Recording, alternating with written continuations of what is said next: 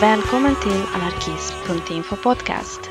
Vi är en plattform för anarkistiska idéer och samtal.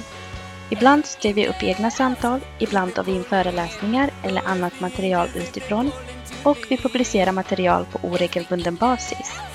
Om du vill bidra eller ge oss respons så hör gärna av dig till kontakt anarkism.info eller skriv till oss på Facebook. Nu börjar podden.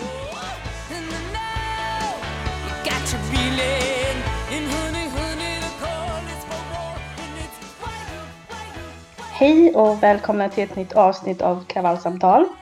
Det här är avsnitt två och eh, de som medverkar idag är jag, Estelle. Och jag, Lutra. Och Svartkatt.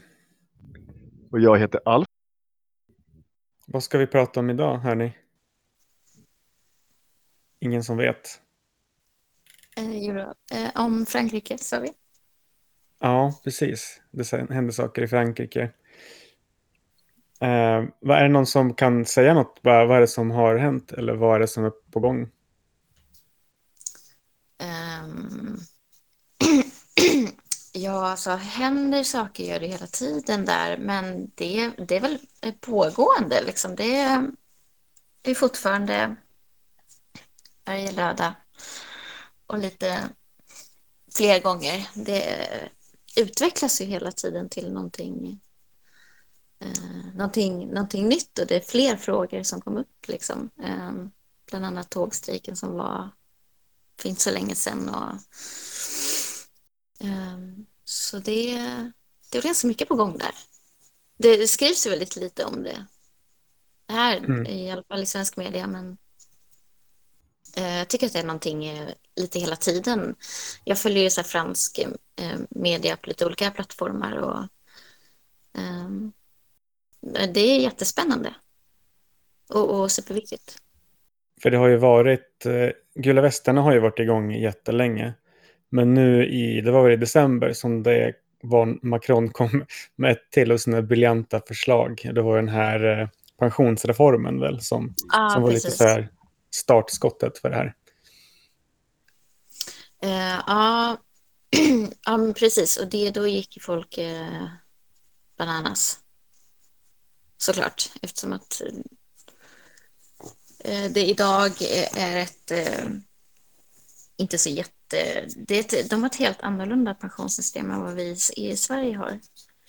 Um, och, jag, och vad jag läst och, och, och förstått sådär.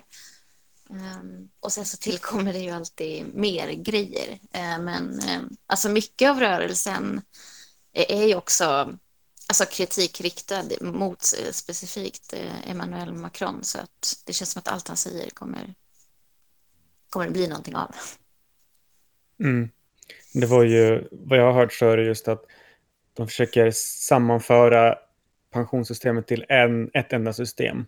Eh, och att det ska då bli enklare och mer transparent. Men det konkret verkar ju vara att många fackförbund till exempel har egna pensionsavtal och de har bland annat pensionsålder runt 62, många. Och det här skulle höjas till 67 i den här allmänna reformen, eh, vilket är ganska absurd höjning, eh, hur man än ser på det. Så jag förstår att många är väldigt förbannade på, på det här. Och man har ju sett en hel del intressanta protester och protestformer. Det har ju som sagt inte sett så mycket bilder i svensk media och annan internationell media. Och det kan man lite grann förstå varför, för det skulle bli så pinsamt. Till exempel de här bilderna när, när snuten anfaller brandmännen som är ute och mm. demonstrerar och sånt där. Ja, ja det är en helt eh, stor skillnad mot hur det är här i Sverige. Eh, här har vi ett blåljus. Där det så tydligt Alltså, det blir så tydligt där, skillnaden på brandmän och poliser liksom, och deras uppgift i samhället. Ehm, jag såg en video där alltså, polisen gick ju verkligen hårt alltså, på brandmännen. Det var ju liksom ingen kamratskap som de pratar om här. Nej, precis. Det här var vi inne på i förra avsnittet. Just att det här med blåljus, det är verkligen skillnad på blåljus och blåljus.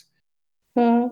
Så då har de gjort en del andra grejer, alltså typ så här brandmännen som satte eld på sig själva. Mm. Alltså det var ju, visst de har ju så här skyddsutrustning liksom så, men ja, det är inte lätt att sätta eld på sig själv liksom. Men de har gjort en del grejer och det har inte heller uppmärksammats så mycket i, i svensk media tycker jag inte.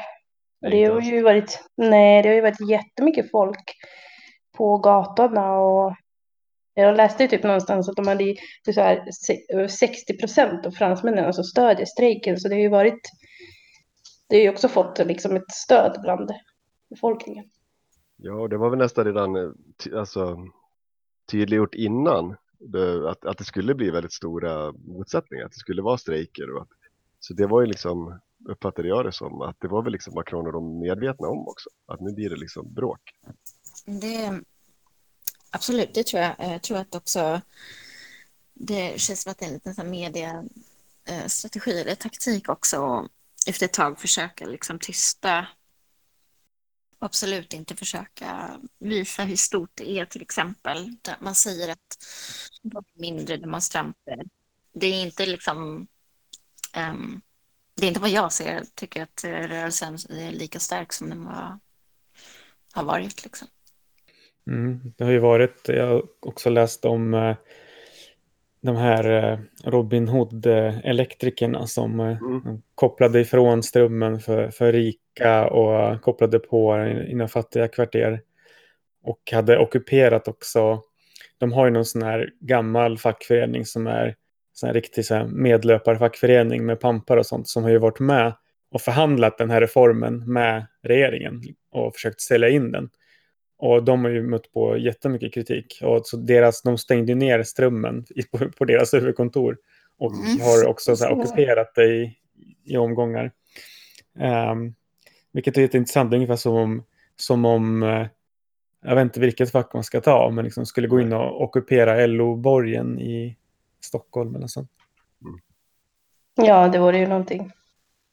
Jo, det hade varit nice. Men det som är så fascinerande med liksom Frankrike och, och fransmännen och, och deras historier, det är att de är, har ju det här eh, i sig på något sätt. Alltså i så här ryggmärgen och att, att eh, eh, ha förmågan att kunna förändra. Eh, när, om man är, när man är tillräckligt eh, många, liksom, de är ju ett land eh, historiskt som kommer från mycket demonstrationer, mycket protester, mycket revolutioner. Um, och det är väl det vi, vi inte har liksom här i Sverige. Då. Mm. Ja, alltså det jag upplever eh, liksom här i Sverige är ju att det finns ju ganska stort förtroende för politiker och staten här i Sverige tycker jag. Ja, Liksom inte- myndigheter. Ja, myndigheter också. Det är liksom inte så lika stark protestkultur här som i, som i Frankrike. Trots att vi blir lika piskade liksom av den liberala politiken. Eh, och så typ ta så här januariavtalet. Sossarna svängt mer åt höger. Eh, och då har man ju liksom fått hjälp av typ LO. Liksom, och de ruckar ju på LAS och strejkrätten och det blir inga större protester här. Nej, det blir inte det. Um, vi är liksom väldigt... Um, ja, vi har väldigt stor tilltro till myndigheter och att, um, att vi förlitas på att det är som att vi ser på politiker och um, ordningsmakten och eh, som övermänniskor, att de, de är mer kapabla till att ta bättre beslut. Eh, och därför litar vi mer på dem. Eh, och sen så handlar det såklart kanske lite om så här vår standard, levnadsstandard här är ganska hög och då är folk är liksom väldigt privilegierade och vill liksom inte byta bort den mot, ehm, mot att gå ut och protestera eller liksom. Jag tror att folk är väldigt bekväma med det de Ja, har. jag tror, jo men det tror jag också. Men jag tror att delvis så tror jag att det kanske är liksom en, en brist på tilltro till sin egen förmåga att förändra också. För jag tänker så här, å ena sidan så tror jag att visst, en del kan ha liksom en önskan att det ska funka, att politiker och myndigheter styr upp allting. Eh, Men, men samtidigt så finns det också en ganska stor liksom, att man är less liksom, på politiker. Ja, men det är politikerföraktet liksom, på ett sätt. Så att man liksom, å ena sidan är man förbannad på att det inte fungerar men man kanske inte gör någonting själv heller. Liksom. Så att det blir någon slags eh, limbo. Eh, där man liksom går omkring och bara liksom är tryggt förbannad över att det inte funkar och så gör man ingenting mer än att liksom snacka skit. Ja, ja men absolut. Mm. Alltså verkligen så hårt bundna av så här jantelagen liksom. Ja, lite så. Det skulle också gå att eh, resonera att okej, men mycket av det missnöjet kanske tyvärr idag kanaliseras i så Sverigedemokraterna och liknande. Att folk tror att, att eh, alla problem med privatiseringar, utförsäljningar och allt från Karolinska till liksom, uppluckringar av strejkrätten och LAS, på något sätt blir det liksom så här typ invandrares och flyktingars fel. Eh, men samtidigt, även Frankrike har ju problem med högerextremism och eh, de är ju ändå ute på gatorna och bränner saker och bygger barrikader och ockuperar. Eh, så det, det, liksom, det, finns, det kanske inte är det som är hela svaret. Och samtidigt, som vi varit inne på, den här kulturen har ju alltid funnits i Frankrike. Så att det går inte heller så här översätta rakt av på Sverige. Det gäller att vara lite försiktig. Att det går, man kan inte förvänta sig att det kommer se likadant ut. Så frågan är lite grann, vad kan man inspireras av och vad skulle kunna bli mer, liksom, mer konfrontativt och ge bättre resultat i Sverige? Så en grej jag har tänkt på är väl typ så att när jag kollar på så här livesändningar och så, det känns som att deras protester är på något sätt mer levande än vad det är här i Sverige. Jag har typ så här i stort sett slutat gå på så här manifestationer. Ni vet när man typ träffas på ett torg och sen så är det någon som håller tal och sen så går man hem. Jag tycker att, eh, ja men jag vet inte, det verkar som att eh, i Frankrike så använder de sig mer av typ så här, men direktaktion, alltså de går runt på gatorna och typ så här ockuperar typ olika strategiska ställen liksom så här. Eh, ja, jag vet inte, det känns som att folk är typ de som kommer, alltså inte bara de som arrangerar även utan de som kommer är mer engagerade i själva protesten. Där i Frankrike än vad man brukar bli här i Sverige. Mm, det finns definitivt en aspekt av liksom, den typen av eh, protestkultur eller plakatprotest eller vad man ska kalla dem. Som kan vara, det kan ju fylla en funktion men det kan lätt fastna i att alla går till torget och någon håller tal och så applåderar man lite, sen går man hem. Och vad har egentligen hänt? Det enda som har hänt är att, och vi kanske kommer in på det lite mer sen, att någon liten trottegrupp har sålt lite fler tidningar eller någonting. Och det, det, det kan ju finnas incitament för dem att, att göra det. Ett mål i sig. Men i övrigt, det har inte skett, nödvändigtvis skett någon mer eh, konkret organisering. Ingenting har nödvändigtvis utvecklats. Det är precis så som de vid makten vill att vi ska visa vårt missnöje. Gå till ett torg och vara snälla och sen gå hem igen. Vi får absolut inte störa någonting som faktiskt är känsligt för de som har makten. Ja, men det var så jag tänkte lite grann också, för att om man tittar, nu vet inte jag vad den här konflikten kring liksom just pensionsfrågan står just eh, specifikt idag, men jag tänker så här, om man, om man, för, för det kan jag så här, inspireras av, när jag, när jag, eh, det jag har liksom läst mig till och det jag förstår liksom, eh, på min kant, liksom, att eh, om det sker liksom en massiv liksom, mobilisering och organisering på, i olika delar, liksom, i, utifrån olika yrkesgrupper som det har lyfts fram liksom, när man läser om det. Men det är eh, elektriker och det är brandmän och det är liksom eh, balettdansöser och det är liksom så här, om, om väldigt mycket verksamhet delvis lägger ner men sen också liksom går till motattack, liksom, att man stänger av el och sådär. Då kan man ju väldigt effektivt eh, påverka, alltså på, på riktigt, liksom, transporter och sånt där. Så, så, det är någonting som, som såklart kanske är väldigt svårt att, att organisera i någon större utsträckning om det inte är en fråga där folk liksom går igång och, och liksom självmant liksom tar initiativ, då, då är det såklart lättare. Och det är väl, även om jag inspireras av det upplägget såklart, så känner jag mig när jag sen ska försöka överföra det till Sverige så liksom letar jag efter en fråga som skulle kunna vara så brännande. Och jag har liksom inte riktigt hittat den. Nej, det, det stämmer också. Och sen så är vi också ett väldigt eh, alltså, litet land befolkningsmässigt och med inför dem i Frankrike som har nästan lika många invånare i Paris som vi har i hela Sverige. Så det klart att, att organisera och mobilisera människor här kommer ju också bli lite svårare. Men jag tycker ändå att typ så här, det är ganska, typ vissa frågor inom vården har ju väckt ganska stor liksom så här, vad ska man kalla det för protestvåg, men det, det liksom, det har typ stannat alltså där vid det som vi pratar om, liksom så här manifestationer liksom. Att det, ja, på något sätt, jag vet inte, det var ju något uppror, eller vårdupproret eller vad det heter, skolupproret också. Så nu på senare år i Sverige. Vi har samlat ganska många inom liksom både, alltså inom vården då och sen inom eh, de som jobbar inom skola och sådär. Men eh, alltså det, det som man har liksom läst väl några debattartiklar och sen så har man väl sett att det har varit några manifestationer.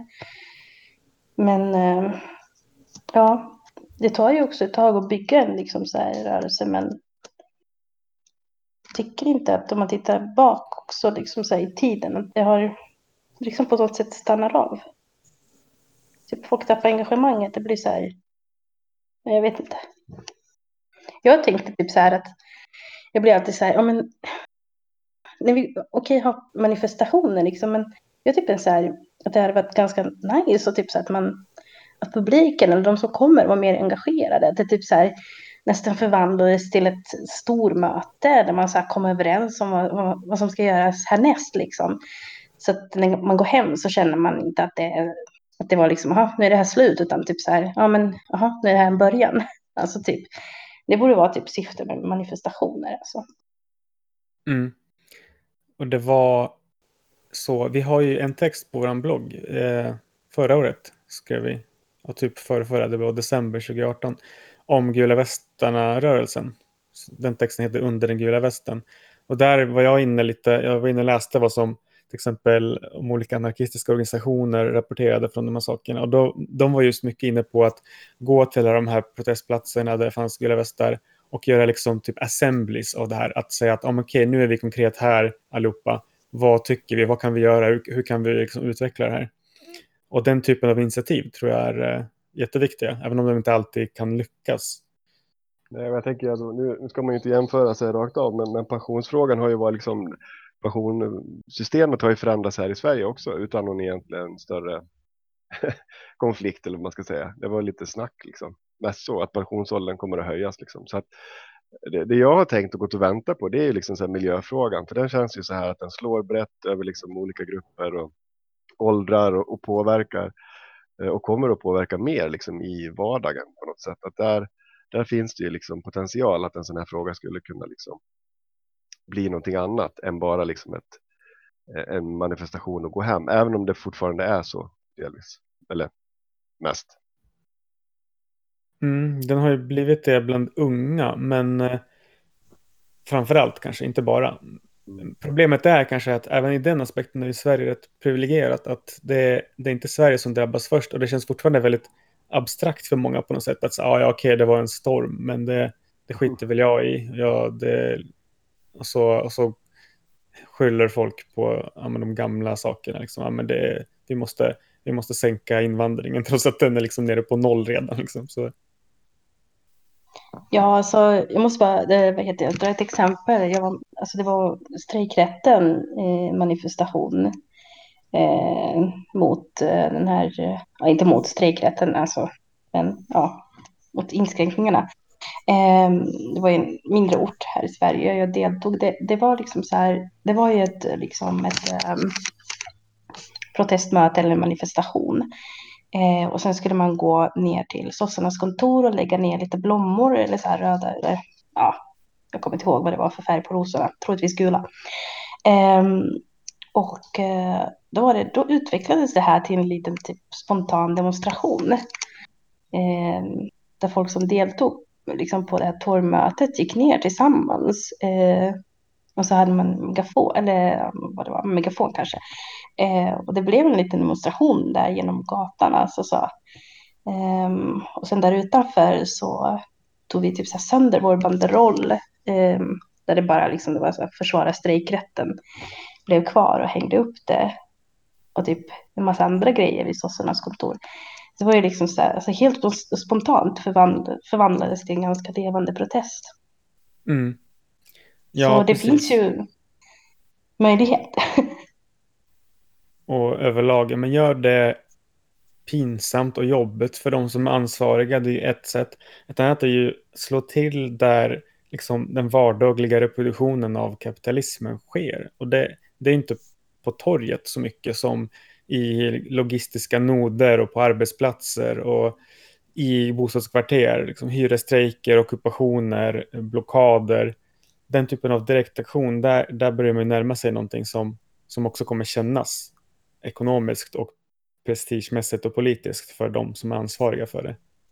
Ja, jag tänker på när du säger det så tänker jag på hamnkonflikten i Sverige. På ett sätt så kan jag tänka just att det var så strategiskt platt, liksom. Att hamnar är, har varit liksom, på senare tid, men tidigare också, så viktig för liksom, kapitalet, kugghjulet. Att eh, jag tänker att, att, att den fick liksom, att det, att det blev som det blev och gick som det gick. Nu är det inte liksom klart kanske, men att, jag tror att det berodde mycket på att det var den platsen. I en hamn. Mm.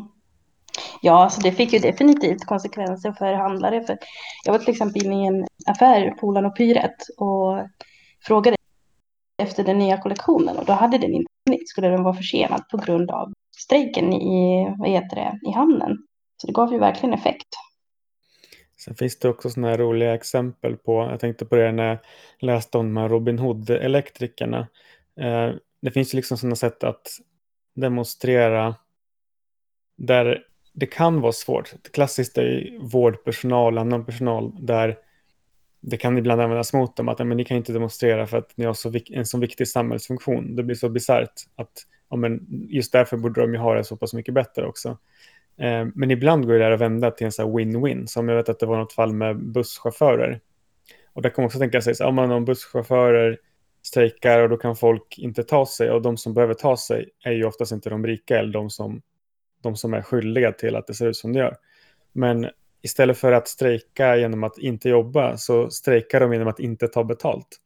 Och då är det direkt någon annan som, som drabbas. Och det blir en win-win om man får folk med sig på ett annat sätt. Mm, det är jätteintressant att hitta liksom nya, nya, vägar att, nya vägar att eh, protestera helt enkelt.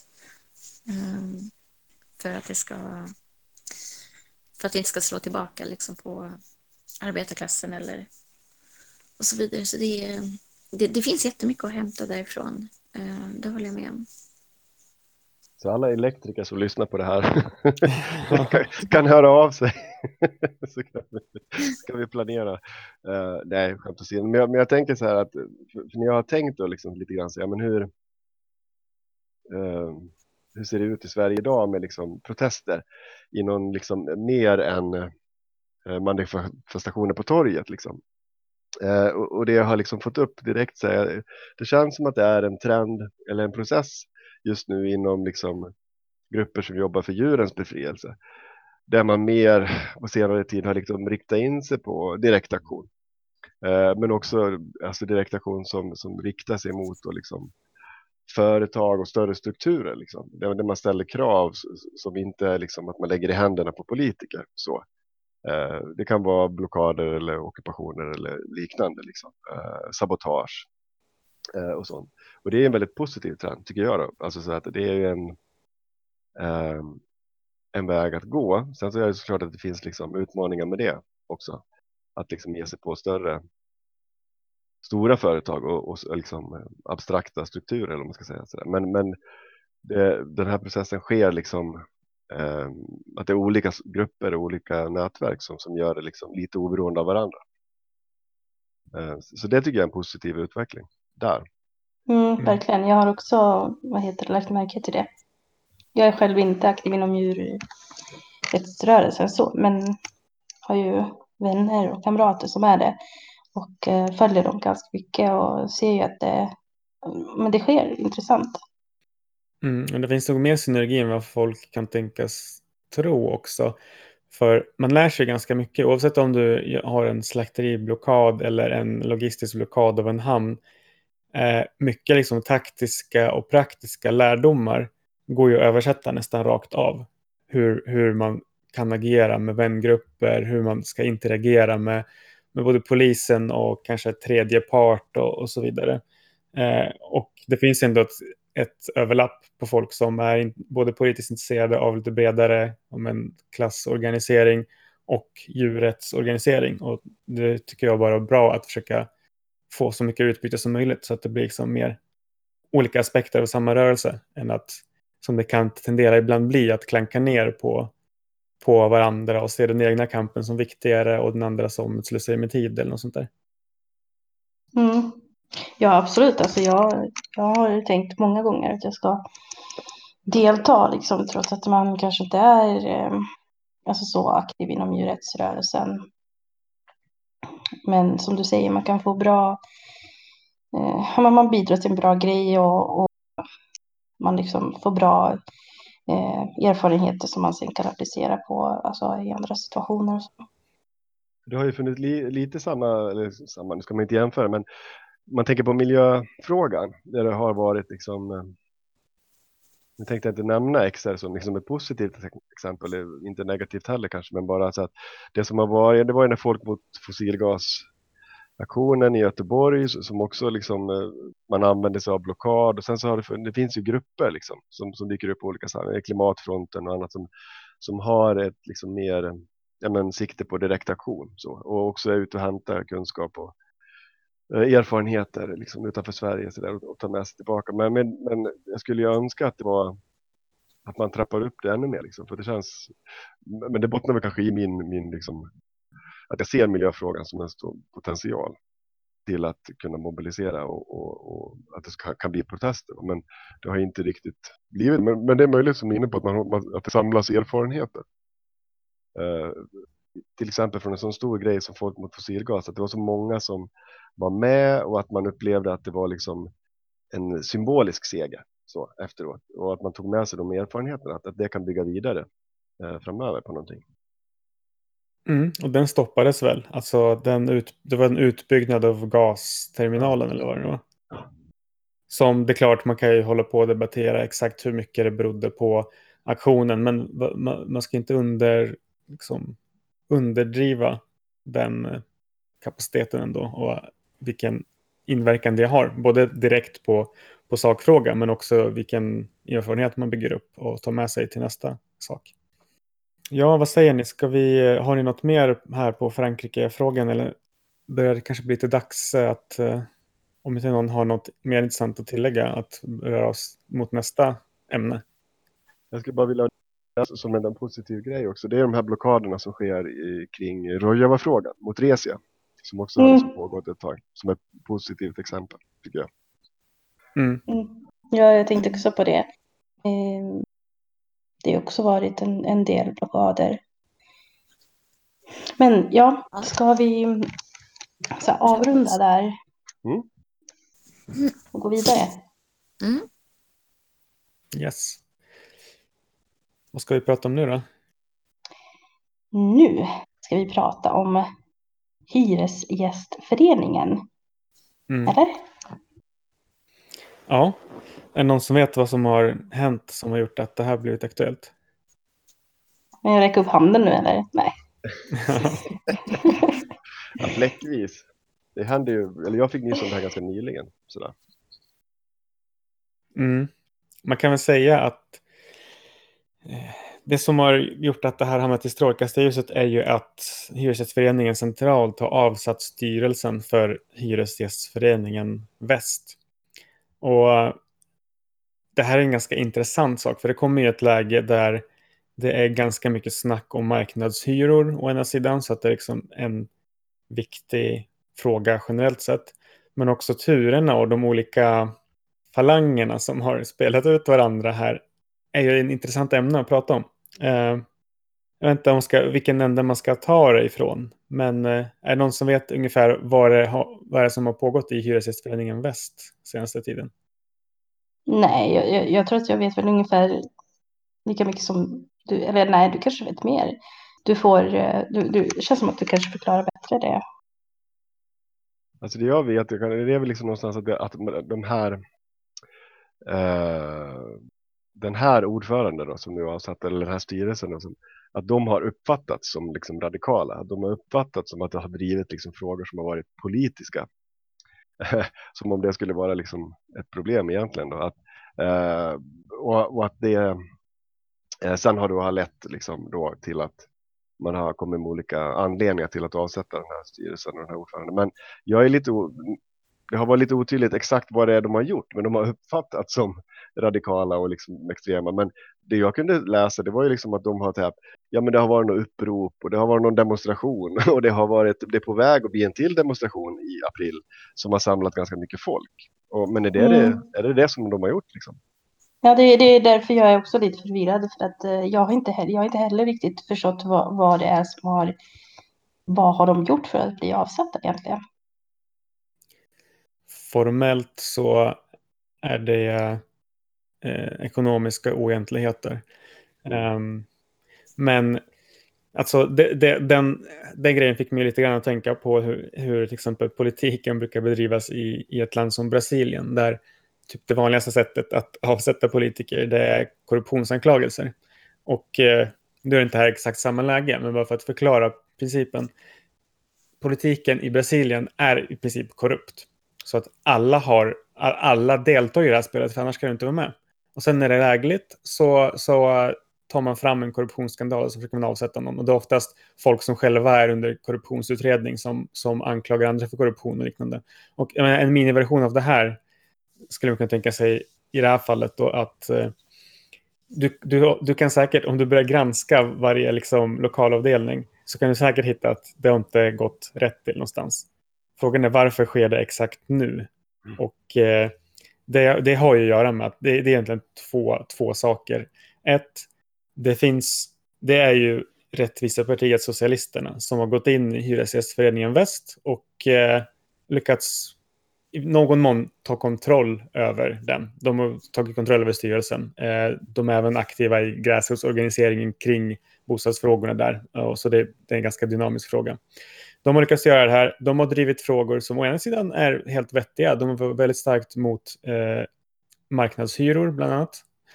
Och eh, å andra sidan så har de kanske kört en mer bredare politisk linje där de tydligt har kritiserat regeringen, inklusive Socialdemokraterna också så stött olika grejer utomlands. Det var en ockupation på Irland eller någonting som de hade eh, eh, stött. Eh, och det här har ju, det har ju stuckit ögonen på sosseetablissemanget som eh, ett tycker att de har tappat kontrollen över den här lokalavdelningen. Den är för kritisk mot partiet och så håller den sig inte till ett så här snävt byråkratiskt eh, tänk där, där Hyresgästföreningen i princip ska vara en serviceorganisation som bara får syssla i ett snävt, eh, på ett snävt sätt med bostadsfrågor. Eh, så det är väl lite så här bakgrunden kan man säga nu till, till det som har hänt. Ja, för de har ju varit kritiska. Var, var inte kritik mot eh, så, ja, men precis, kritik mot sossarna och den här eh, januariöverenskommelsen. Det var liksom en tydlig kritik mot den. Och dem. Ja, precis. Och eh, svaret har tydligen varit att Hyresgästföreningen Väst har tagits över av en, av en kommunistisk sekt. eh, och eh, det har liksom varit lite, lite alarmistiska eh, insändare i Expressen och, och på andra håll eh, kring det här. Då. Så det är, å ena sidan har man att göra då med, med, med sossebyråkratin och vad den kan göra när den känner sig hotad, vilket den ju är på många, på många fronter. Och där, där tycker jag, jag, där är jag mer sympatisk med eh, den Hyresgästföreningen Väst, att de har sysslat med en del rätt vettiga saker. Och den här kritiken är ganska löjlig och har egentligen att göra med att sossarna vill behålla makten. Eh, så det, det är en aspekt av det så att säga. Mm. Jag, har, jag har liksom en fråga. Hur, hur har de lyckats avsätta alltså, styrelsen då? Hur fungerar det egentligen inom Hyresgästföreningen? Har typ så här, ja, men vad ska man kalla det för, typ eh, huvudkontoret eller vad man nu kallar det för, bara liksom kunnat gå in och så här, bara sparka hela styrelsen i väst eller vad, vad är det som har hänt? Ja, det, det, har skett en utredning då och som har kommit fram till att det har eh, förekommit eh, ekonomiska oegentligheter. Och det här kommer samtidigt som sossarna har ställt fram en eh, egen kandidat då, som ska försöka utmana den, den skulle då försöka utmana den sittande ordföranden om, om ordförandeposten. Och det var väl ett sätt att lite mer politiskt eh, bekämpa det som höll på att hända. Eh, men jag menar, Hyresgästföreningen är ju som stora delar av den gamla arbetarrörelsen. Det är ju otroligt byråkratiserade och centraliserade apparater. Eh, så det, det, det, finns ju stora möjligheter till toppstyrning. Och när de väl då har initierat undersökningen, hittat initialt någon slags oegentligheter, så har de bara kunnat gå in och säga, ja men på grund av det här så avsätter vi hela styrelsen och så tar vi centralt över just för tillfället. Så det är väl vad de har gjort. Men låt säga att de inte hittar något, bevis för de här ekonomiska grejerna som man, skulle, man påstår att man har gjort. Kan man fortfarande då liksom säga, men nu är ni avsatta? Det skulle ju inte se bra ut. Så jag tror nog att de kommer försöka få det till att det har hänt någonting som, som är så pass mm. allvarligt att, att det får bli åtminstone omval eller någonting. Men jag vet, jag vet för lite om exakt hur det funkar med, med dem med stadgar och, och liknande och, och, hur mycket de har på fötterna kring den här oegentligheten då som, som har skett. Så det, det får man se lite tror jag. Det, den aspekten är lite så här, ja, den är lite osäker just nu. Jag tror ingen riktigt vet. Men del mm. två av det, här, av det här är ju att titta på vad det då är som har hänt lite närmre i Hyresgästföreningen Väst. För det är som sagt, det är ju Rättvisepartiet Socialisterna. Och för de som känner till RS, framförallt RS i Göteborg, så har det ju varit en hel del kontroverser kring, kring dem. Det är alltså ett eh, kommunistiskt, trotskistiskt parti som eh, har en historia av att bland annat eh, inom partiet mörkat eh, sexuella övergrepp och trakasserat de som har kommit fram med, med, med de eh, anklagelserna. De har haft samarbetsproblem med nästan alla andra vänsterorganisationer i stan. Jag vet att SUF i Göteborg och LS och flera andra organisationer har ju varit ett samarbete som, som de har avbrutit. Dels på grund av då hur, hur RS har hanterat de här sexuella förbrytelserna. Eh, och dels för att eh, RS anses helt enkelt eh, försöka slå mynt av andras arrangemang och organisering. Att de, eh, de, försöker, de kommer dit och de sätter sitt namn på saker som de kanske inte är delaktiga i och försöker få det till att tjäna så att säga, deras, deras partisyften. Um, och det ena, det här, det här, är inte, det här det är ganska märkligt, men inte ovanligt fenomen. När jag flyttade till England från Göteborg för ett antal år sedan då, höll den här, då var den här, eh, de här sexuella anklagelserna och hela den cirkusen igång. Och exakt samma sak hände i, i England just då, med också ett trotskistiskt parti som mörkade sexuella anklagelser. Så det här, det här är någonting som, som är lite av, av en trend. Eh, och det har ju inte nödvändigtvis att göra med främst att de består av så hårdnackade sexister allihopa. Men vad, vad de består av är ju att det oftast finns starka personer och en otrolig eh, lojal hierarki kring dem. Eh, som gör att liksom, organisationen blir eh, väldigt beroende av ett fåtal personer och de är svåra att få bort. Eh, och det här kan då leda till att om fel person anklagar fel person så blir en mörkläggning och, och en utfrysning och, och liknande. Och det här är ju en del av problemen med liksom trotskistiska organisationer kan man säga. Mm. Men har de alltså just i, alltså har de typ försökt trotta Hyresgästföreningen Väst eller eh, hur, eh, är det någon som har koll på liksom så här, typ vad mer, alltså andra medlemmar gjort? Det har ju pratat om en ordförande vad jag kan se, men hur har det i övrigt fungerat? Det är en eh, komplex situation. Jag menar, har de försökt trotta? Trotta är ju det här vardagliga ordet för, som man använder för den mer generella termen som faktiskt används. Jag vet inte hur, huruvida de använder den själva eller inte, men entrism som är en gammal trotskistisk strategi där man försöker gå in och ta över organisationer. Och det här har ju försökt med, jag vet inte, det kanske största fallet som jag känner till är att trotskister har försökt ta över Labourpartiet i i, eh, i Storbritannien och eh, ofta i, försöker gå in i fackföreningar, eh, vinna över lokalavdelningar och sånt. Och det här är liksom både ett plus och ett minus, för att som i, i, i Hyresgästföreningen Väst, de har ju gått in och det tror jag inte går, går att liksom komma undan, gjort den lite mer militant, lite mer politisk, vilket jag tror de flesta radikala aktivister tycker är bra.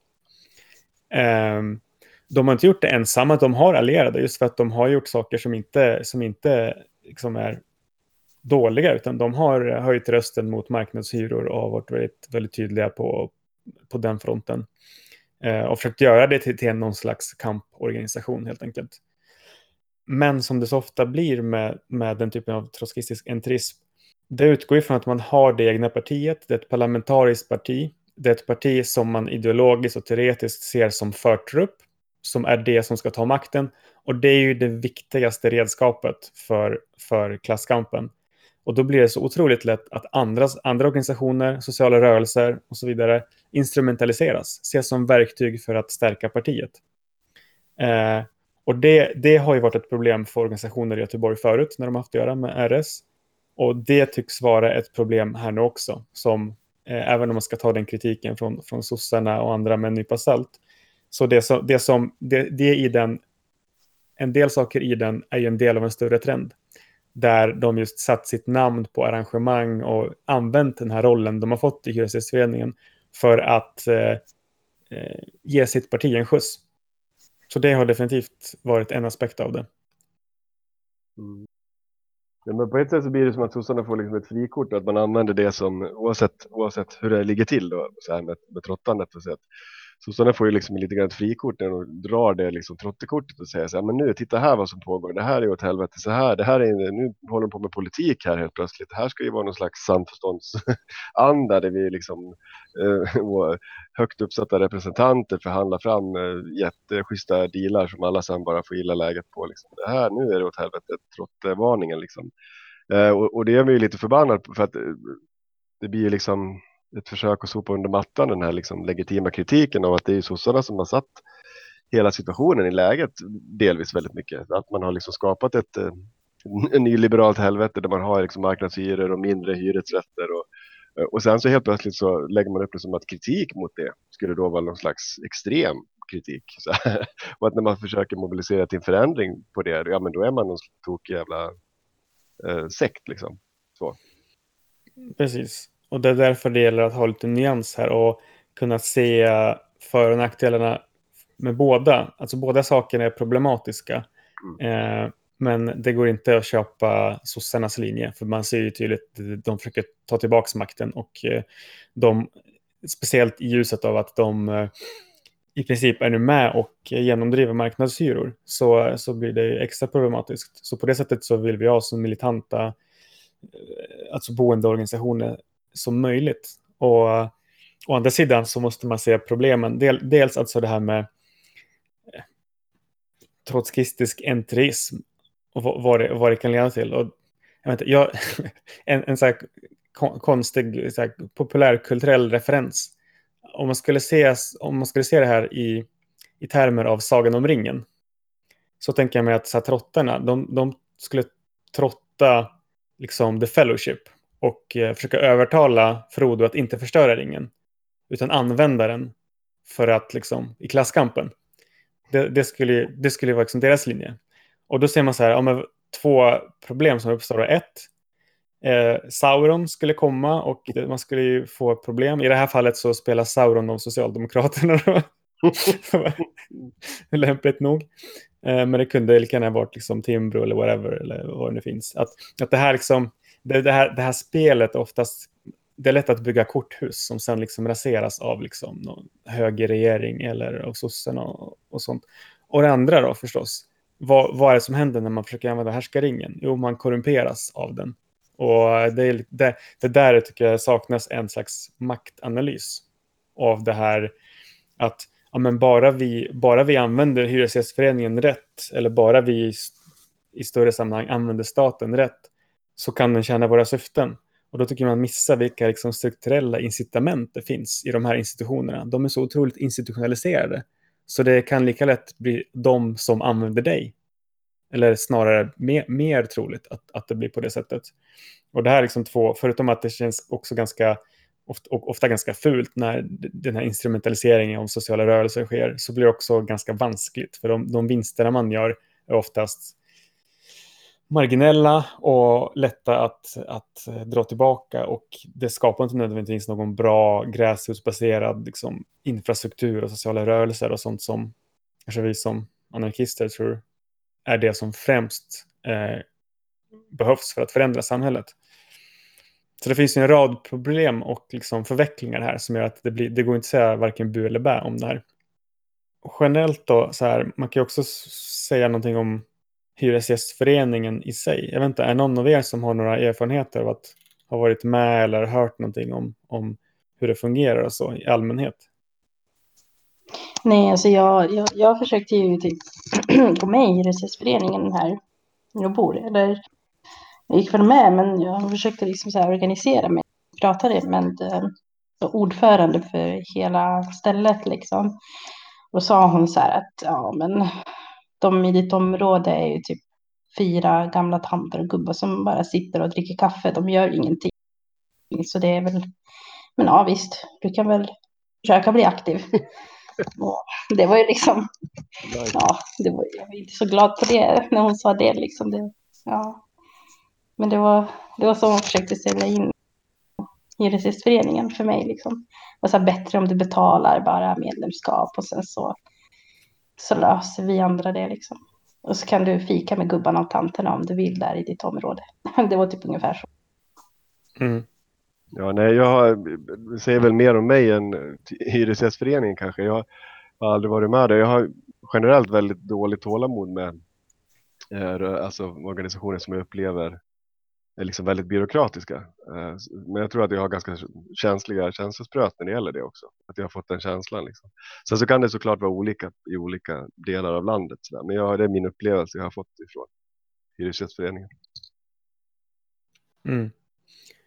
Jag har varit lite bara på marginalerna. Jag var inte involverad själv men var med i en organisation i Göteborg som var aktiv in, inom eh, liksom, bostadspolitiken och bostadsaktivism. Ehm, där kan jag för övrigt tipsa om en eh, liten bok som jag tycker är rätt bra fortfarande, fast den har några år på nacken, som heter Rätt att bo kvar, som är en handbok i organisering mot hyreshöjningar och gentrifiering. Uh, kan kanske lägga en länk till den sen i, i avsnittet när vi lägger upp det. Ehm, men det, det som jag tyckte var bra att ta fasta på, som vet att en del, en del aktivister eh, pratade om, var att Hyresgästföreningen har trots allt, det är en byråkratisk organisation, precis som vi har sagt, och den, den har en slags monopolställning för förhandlingar, vilket gör att organisering kring bostadsfrågor kan nästan upp, upplevas som ett hot från, från deras sida. Eh, men de har ganska mycket resurser fortfarande. Eh, så det är inte dumt att om man, om man engagera sig i bostads, bostadsrättsfrågor eh, mot eh, rena vräkningar och stora hyreshöjningar och liknande. Så är det inte dumt att ha koll på vad som händer lokalt och eh, försöka använda Hyresgästföreningen så gott det går. Men det viktiga är att äga sin egen kamp. Att inte överlåta den till Hyresgästföreningen. Eh, att inte låta dem sätta premisserna för vad som är okej okay att göra, vad som är möjligt att göra. Eh, och bara liksom, till exempel behöver vi en lokal, kan de ordna det? Okej, okay. har de en viss expertis, kan vi dra nytta av den? Och använda det på ett så väldigt specifikt och riktat sätt. För då, då, går, det, då går det att, att uh, ha uh, ett bra utbyte och ibland samarbete med Hyresgästföreningen. Men man kan inte lita på det som en slags uh, allierad i alla situationer. jag menar, till exempel, de skulle aldrig stödja en hyresstrejk eh, någonstans. Det, det, det händer ju oftast inte. Jag vet att det var någon som tog upp fallet med eh, kontrapunkt i Malmö som var i hyresstrejk och inte fick någon hjälp av, eh, av Hyresgästföreningen. Eh, och det är egentligen inte konstigt för att de sitter i en position där de just i princip har monopol på att förhandla. Och när folk går till direktaktion, som ofta kan vara mycket mer eh, effektivt, så blir det som ett hot mot deras förhandlingsmodell och deras förhandlingsposition. Och samma sätt, jag, vet, jag har hört mycket negativt om eh, när Ikano gick in i Hagsätra. Mm. Och eh, eh, Hyresgästföreningen där framförhandlade inom citationstecken hyreshöjningar på, jag tror det var typ uppåt 63 procent. Jag får med att det var typ någon så äldre dam som tog livet av sig för att hon inte skulle ha råd att bo kvar. Och det var så här, alltså det var så helt bedrövligt. Och då, och då, och då, gick, då hamnade Hyresgästföreningen i ett läge där de i princip var allierade med de som de skulle förhandla mot. Och de två var allierade mot hyresgästen som tyckte att det är för jävligt, vi måste göra någonting mer åt det här. Um, och det gjorde de väl ju. Man ja. Ja, ockuperade i den här gamla aulan. Ja, precis. Det var en ockupation där sen. Nej, vänta. Var det Hagsätra eller var det... Um... Ja, men alltså, vilket år pratar vi om nu? 2016? Det var både i Högdalen och Hagsätra ungefär samtidigt. Men det var Ja, ah, just det. Du pratar vi nog. Aulan i skolan i, i Högdalen var det väl i teaterkvarteren, gamla teatern. Ja, men precis. Ja, men då är, då, då, då, då är, jag, då är jag inte ute och cyklar. Det var i Hagsätra, man ockuperade aulan. Och mm. Det var väl ganska, så här, det var ju väldigt många boende som, som var engagerade där. Eh, jag vet att typ så här, i Kana hade ju så här, eh, typ förbjudit möten på torget, kaféer och så. Alltså, folk hade inte heller någonstans att och liksom träffas och snacka och då var det ju det här liksom en bra grej. Men jag kommer inte, som du säger, Hyresgästföreningen var ju helt frånvarande. Och de var mm. väl på Ikanos sida. Ja, de var inte det rent, men formellt, eller de blev det på sätt och vis. Och sen var jag Ikano, de var riktigt vidriga för att de, de äger väl inte bara husen där utan de typ har väl köpt hela rasket så att det blev mm. som en så här, som korporativistisk liten ort eh, på något sätt. Eh, där de då började domdera och så här, om jag försöker underminera folk som försökte organisera mot dem och så vidare. Mm, precis, de kom ju typ och så här bråkade och typ så här försökte sno flygblad av stod på torget och dela ut det kommer jag ihåg. så det var en ganska liksom ja, ja väldigt livlig debatt där ett tag.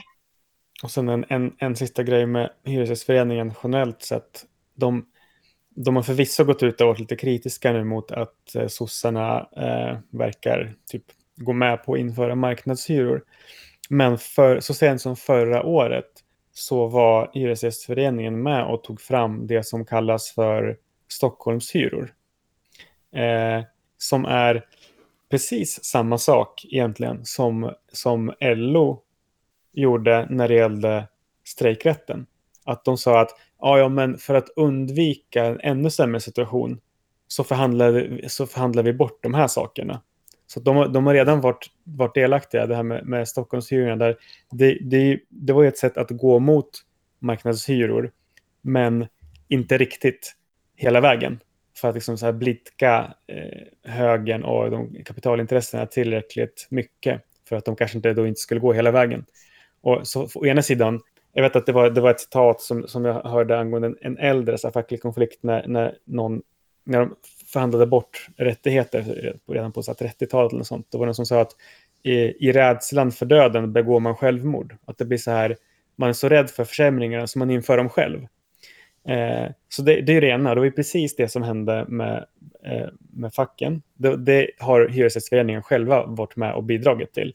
Och å andra sidan då, vad ledde det till? Eh, stoppade det eh, marknadshyror? Nej, nu är det sossarna en av dem som är med och har accepterat det i, i ramarna, inom ramarna för januariavtalet.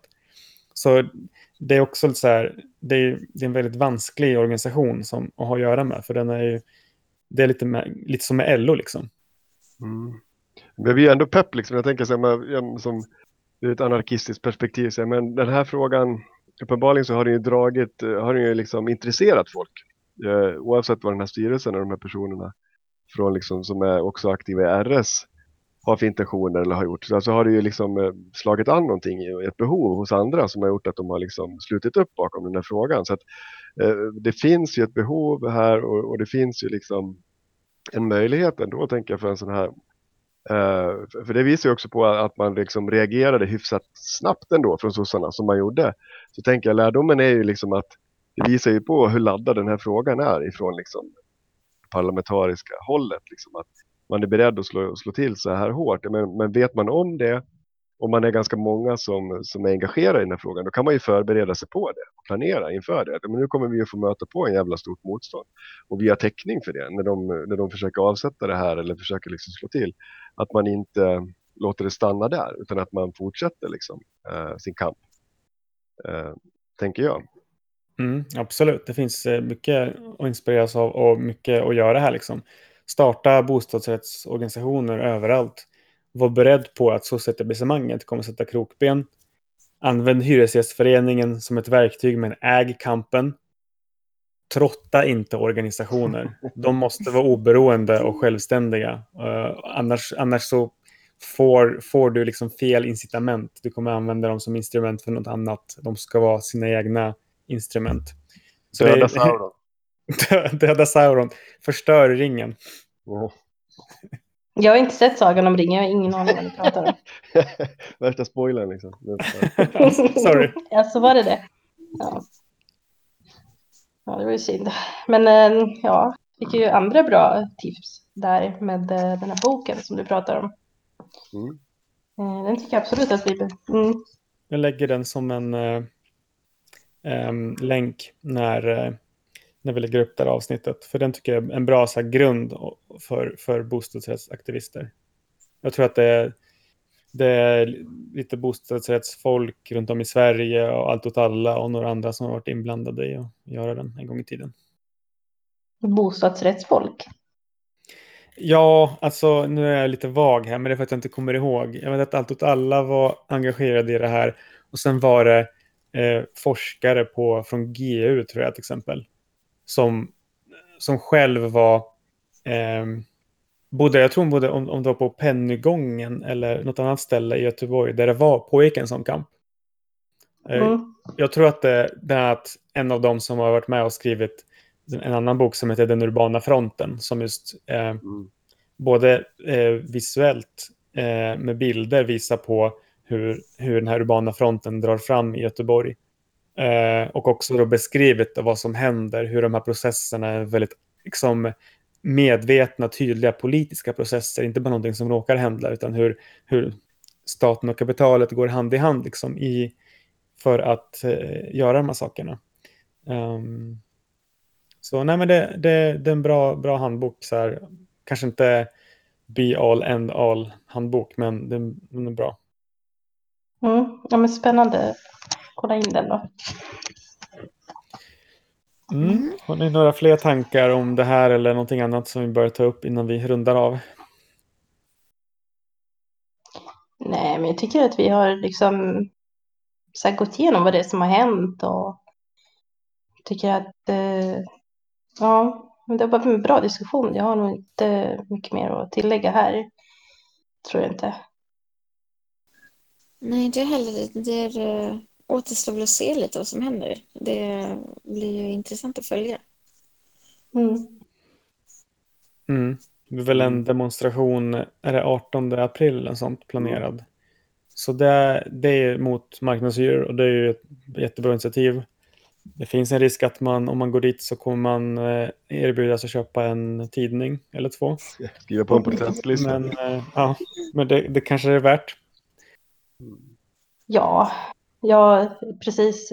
Får vi se vad som blir av med liksom, den demonstrationen. Men det, jag, tror att det, jag tror att det blir bra. De, vi har ju liksom ett jobb och jag kommer ihåg förra, det har ju varit någon, vi hade typ så här lappar uppsatta här att man kunde åka med bussar och så där till demonstrationen. Så kanske de arrangerar något sånt igen då. Mm. För det kommer bli en stor fråga tror jag. Bostads och marknadshyrorna kommer bli en stor fråga nu. Oh, ja. Mm, ja, alltså de har ju höjt hyrorna hur mycket som helst redan nu. Um, marknadshyrorna, det, alltså det kommer bli... Ja. Gentrifiering och marknadshyror. Jag kommer inte ha råd att bo kvar i min lägenhet alltså. Och jag tror att det är många som känner så. Mm. Och det ja, behöver verkligen. verkligen inte vara så. För det, man behöver inte ens ha en jätteradikal agenda eller analys. Det är många som har lyft exempel så här, kolla vad de har gjort i, i Wien. där har de lyckats lägga om bostadspolitiken så de har typ hyror som är hälften så höga som i, som i Sverige. Och eh, 80 procent bor i hyresrätter och tillgången, väntetiden är ganska kort. Så Mm, här, precis. det, det, det går till och med. Det är, så här, det, det är det som ibland gör en så här förbluffad över så här, dagens socialdemokrati. Så ni är helt värdelösa på att vara socialdemokrater till och med. Det är liksom, det är hopplöst. Ja, verkligen. Ja, nej, men jag tar med mig att det, jag ska lära mig mer om elektricitet. Det tror jag är bra framöver. Jag är fett okunnig men nu, nu har jag fått lite pepp. Jag ska lära mig mer. Mm. Ja, vad bra. Mm. Ja, men eh, tack till er som har varit med då. Jag tror att vi har uttömt de här två ämnena för, för den här gången. Mm. Hoppas att vi hörs snart igen då. Ja. Tack så mycket. Ja, tack ska ni ha och på återseende. Yes. Hej då! Hej då. Hej